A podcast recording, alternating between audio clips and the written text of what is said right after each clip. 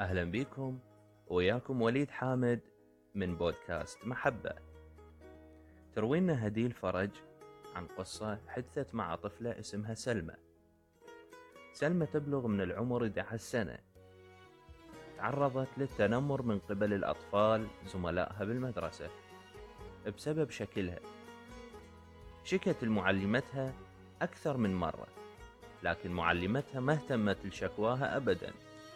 وبعد تكرار الأمر لعدة مرات تراجع مستوى سلمى الدراسي وبلغت أهلها إنها تريد تترك المدرسة وما تريد أن تكمل تعليمها أبدا. لكنها ما خبرتهم عن السبب. كرهت سلمى المدرسة وزملائها بسبب ما عانته. أخبرتنا بعد فترة والدتها برغبة ابنتها لترك التعليم.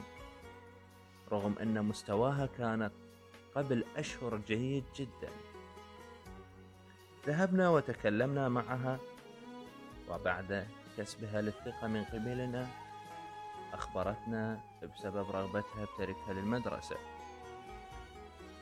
عملنا اجتماع مع الأم وبعدها رحنا مع المعلمة وعملنا اجتماع.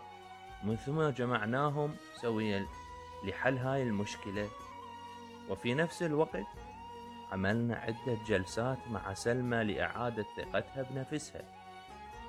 بدت الأم تدرس سلمى في البيت وتجاوبت المعلمة بالاهتمام بها والتركيز عليها في الدروس ومحاولة إعادة دمجها مع زملائها.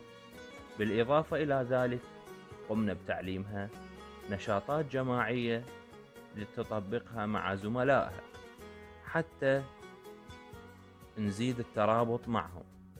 وبذلك بعد فترة من الزمن رجعت ثقة سلمى إلها ورجعت لمدرستها ورجعت لمستواها الدراسي وابعدت فكرة ترك المدرسة عنها. رسالتي لكم تابعوا أولادكم واعطوهم الثقة بنفسهم وثقفوهم على عدم التنمر فكلنا خلق الله. تحياتي لكم محبتنا نحن السلام. تكريت.